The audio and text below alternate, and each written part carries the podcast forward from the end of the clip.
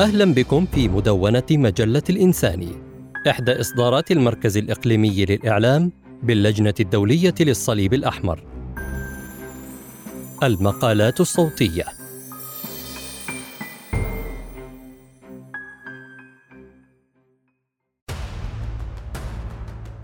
البقاء على قيد الحياة هو نجاة في الحروب.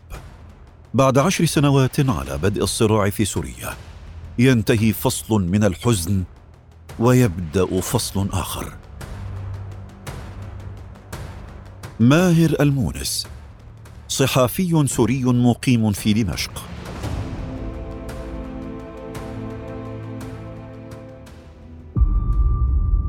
كعادتها تسلب أصوات المدافع والطائرات الانتباه وتتصدر مشاهد الدماء والضحايا شاشات التلفزة وصفحات الجرائد الملقاة على جوانب الطرقات. وهي الصور والأصوات المرافقة لكلمة سوريا منذ عشر سنوات. وعلى الأغلب ستبقى هذه الصور والأصوات في العام العاشر من الدوامة التي تعيشها البلاد منذ العام 2011 دوامة؟ نعم ربما الكلمة الأكثر توصيفا لحالة السوريين. والأقل تحزبا وتسييسا. فكل بعض من السوريين يحب أن يسميها وفق ما يراه أزمة ثورة حرب أهلية حرب مؤامرة انتفاضة صراع. بغض النظر عن التسمية الواقع المعيش هو الأهم بالنسبة للسوريين. لا سيما أولئك الذين يعيشون تفاصيل وظروف الحرب الاستثنائية بشكل لحظي. سوريا على جوجل. انتهت الحرب بشكلها التقليدي في كثير من المناطق والمدن السورية. الحرب التي نقصد بها جبهات قتال ومعارك وأصوات سيارات الإسعاف التي تحمل الجرحى والمصابين والبنادق الملطخة بالدماء. وإن كانت لا تزال مستعرة في أجزاء من الشمال السوري. مع هدوء متقطع يسمى مجازا بهدنة أو وقف لإطلاق النار. الحرب بالنسبة لوسائل الإعلام والسياسيين وقادة دول الجوار في طريقها نحو النهاية والنهاية بالنسبة إليهم هي توقف مجنزرات الدبابات عن الدوران وارتفاع فوهات البنادق نحو السماء. الحرب بالنسبة للمراسلين الميدانيين وكثير من الصحفيين الأجانب الذين يودون زيارة سوريا هي خطوط النار ومناطق الدمار. وصورة كلاسيكية محببة لجل هؤلاء الصحفيين. صورة عمودية تصلح لكي تكون story على إنستغرام يظهر فيها الصحفي مرتديا درعا وخوذة. لا داعي لهما وفي الخلفية أكوام متراكمة من المنازل المدمرة. ينظر إلى أفقها هذا الصحفي وتبدو الصورة ملتقطة بوضعية غير المنتبه. الحرب بالنسبة للدول الكبرى هي الصراع على النفوذ والنفط والمياه والثروات الباطنية والتوازن الاستراتيجي ودعم أطراف معينة على حساب أطراف أخرى.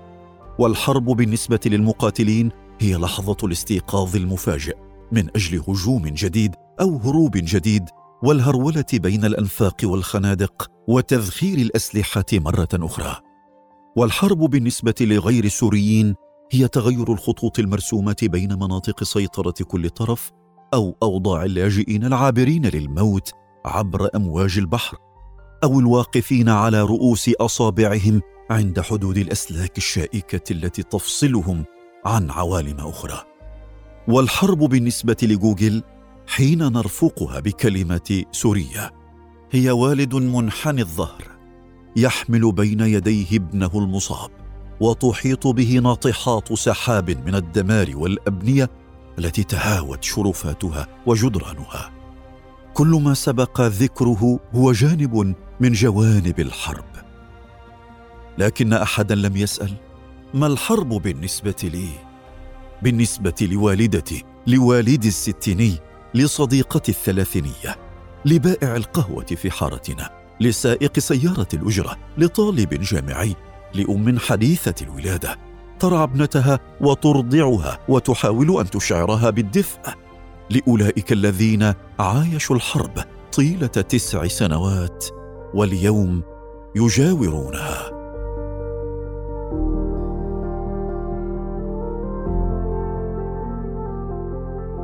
هكذا تبدو الحياة بجوار الحرب. الخامس عشر من آذار 2020 الحياة في دمشق من الأعلى تبدو روتينية. السيارات تسير في الشوارع. الازدحام في الطرقات والأسواق. الطلاب والموظفون يتوجهون إلى مدارسهم ووظائفهم. شرطة مرور في مركز المدينة. وحواجز تفتيش توقف السيارات بشكل روتيني. تبدو الحرب في هذه المدينة قد حطت أوزارها لكنها لم تنتهي. نقترب أكثر من شفاه الناس المتمتمة في الشارع. نرى حديثها عن ما بعد الحرب أو حرب ما بعد الحرب. يسمونها على نشرات الأخبار الرسمية بالحرب الاقتصادية والواقع المعيشي الذي أثقل كاهل الناس. رغم بقاء الكثير من الحفر التي خلفتها القذائف في شوارع دمشق ووضوح أطلال المنازل المدمرة في الغوطة الشرقية المجاورة للعاصمة فإن هذه الأحاديث غابت تماما عن طاولات الدمشقيين وحلت مكانها أحاديث باتت اليوم أكثر أهمية. التزود بالوقود والحصول على جرة الغاز وارتفاع الأسعار وانهيار قيمة الليرة هي عناوين تطغى على أي حديث سوري. وتفوق بمراحل الحديث عن الأوضاع الميدانية واللقاءات السياسية وحتى الكلام عن فيروس كورونا المستجد القاتل والذي يجده كثير من السوريين أنه قاتل رحيم أو على الأقل أرحم من الحرب التي مروا ويمرون بها. انتهى فصل من الحزن وبدأ فصل آخر. بدأ الكثير من السوريين يتحسسون أنفسهم بعد أن توقف غثيان المعركة. كل منهم يسأل نفسه ماذا خسرت؟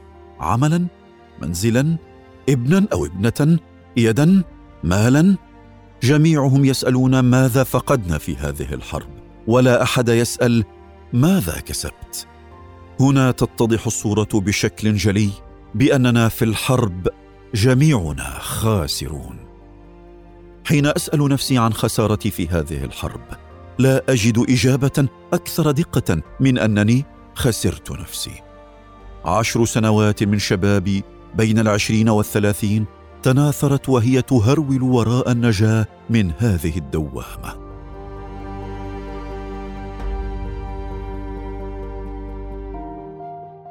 هل نجونا؟ يهنئني أحد الصحفيين الأجانب الذي زار سوريا مؤخرا بأنني نجوت من هذه الحرب بأقل الخسائر الممكنة.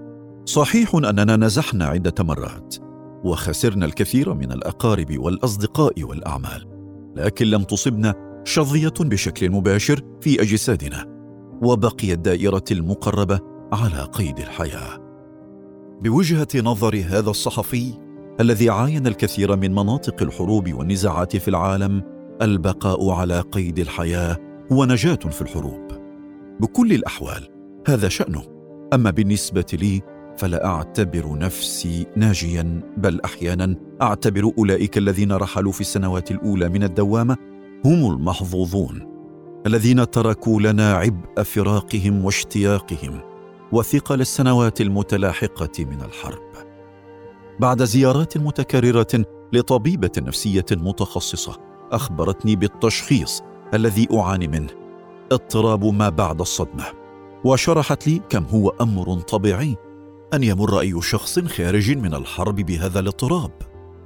لكن الأمر غير الطبيعي أنها كانت صريحة للغاية وأخبرتني بأن آثار هذا الاضطراب تتطلب ضعف السنوات التي مررت بها أي أنه سيصاحبني بدرجات متفاوتة لمدة عشرين سنة إضافية. الآثار النفسية للحرب.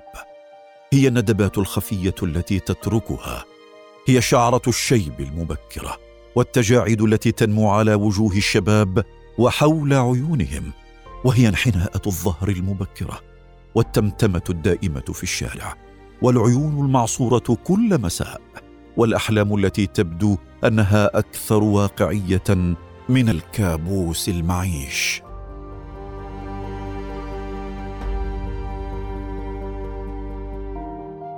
مذكرات عشر سنوات. لا يمكنني أن أتذكر أي حادثه جرت قبل العام 2011 أو لأكون دقيقا أجد صعوبة استثنائية في عصر تلافيف دماغي لتذكر تفاصيل قبل الحرب. يبدو أن ما جرى خلال السنوات الماضية كان كفيلا بملء ال hard disk الخاص بذاكرتي حتى بت أتخيل أن حياتي كلها كانت خلال الحرب. متعب ومجهد تذكر أيام ما قبل الدماء والفقد والموت والسفر. وربما هي محاولة دفاعية من الدماغ بعدم التذكر حتى لا يقع بفخ المقارنة. ويفضل الاسترخاء أو الاستسلام للواقع دون أن يدخل بأي جولة خاسرة مع الماضي أو المستقبل. التركيز على الحاضر أو التركيز على متطلبات اليوم مرة أخرى دفء وغاز ووقود وحاجات أساسية نسعى إليها هرولة لتأمينها قبل فواتها أو فواتنا.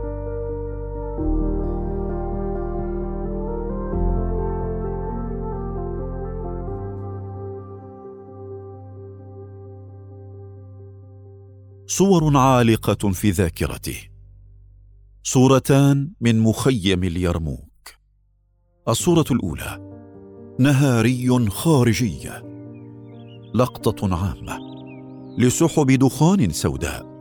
تتصاعد من سماء منطقة مخيم اليرموك جنوبي دمشق. وتظهر جليا أسقف المنازل الساجدة خشوعا للحرب والأبنية المعلقة بين السماء والأرض. يسمع في الأرجاء أصوات رصاص متقطع وصوت انفجارات بين أوقات متباعدة أكثر. وحرائق مبعثرة في كل مكان داخل المنازل وفي السيارات وعلى جانبي الطرقات. رائحة البارود هذه ليست غريبة مألوفة جدا وتعرف طريقها سريعا إلى رئتي. لتنضم إلى عشرات الطبقات من روائح البارود والنار الراسخة في كريات دمي وذاكرتي. الصورة الثانية نهاري داخلي لقطة قريبة. أتحسس الطريق إلى درج متهاون. أنهكته الحرب حتى استراح على بعضه ومع ذلك لا زالت لديه القدرة على حملي باتجاه أحد المنازل المفتوحة على بعضها بشكل كامل والمتكومة على نفسها بشكل كامل أيضا. أترك صديقي على الشرفة المفتوحة على المشهد العام. يسقي عطش كاميرته للدمار اللامتناهي على مد النظر. وأسقي شغفي بالتفاصيل فأرفع قدمي بحذر فوق الأغراض. قبل أن تتعثر عيني بألبوم صور فتتعلق به دون أن آبه لصراخ صديقي المصور بأن نسرع في الخروج قبل أن يهوي المنزل بما فيه. أصارع ذاتي بين رغبة مهولة في فتح الدفتر ومشاهدة الصور ما قبل الحرب وبين احترام خصوصية عائلة كانت تعيش هنا. مع تفاصيلها وذكرياتها. أستسلم لنزوتي وتراودني رغبتي بالنظر فأسمح لعيني بنظرة واحدة لصورة مفتوحة كالجرح النازف في المخيم. ولا أسمح ليدي بفتح المزيد بعد أن وجدت امرأة خمسينية تنظر الي وكأنها تعاتبني وتزجرني بأن أتركها حبيسة الزمن الجميل وكأنها تنطق فعلا بالا ألمس شيئا من ماضيها. لا أدري إذا ما كانت هذه المرأة على قيد الحرب حتى الآن لكن في داخل كل منزل في مخيم اليرموك وكل دار طحنتها آلات الحرب. شريط صور يحكي الكثير مما نعجز عن نسجه بكلمات الآن. الحادي والعشرون من مايو عام 2018 الرقم واحد في الحرب. واحد هو رقم كبير جدا جدا. عندما نتحدث عن الضحايا تخيل هذا الواحد أن يكون صديقا مقربا شقيقا ربما والدة أو والدا. واحد هو رقم كبير حين نتحدث عن جريح عن مسافر عن مصاب بداء الحرب. متى تنتهي الحرب؟ تنتهي الحرب حين يسألون أطفالنا يوما ما باستغراب. ماذا يعني حرب؟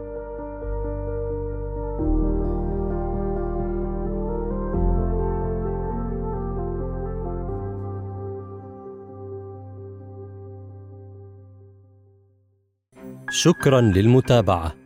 للاستماع إلى مزيد من المقالات زوروا الموقع الإلكتروني لمجلة الانساني blogs.icrc.org الإنساني استمعتم إلى هذا المقال بصوت محمد محمود.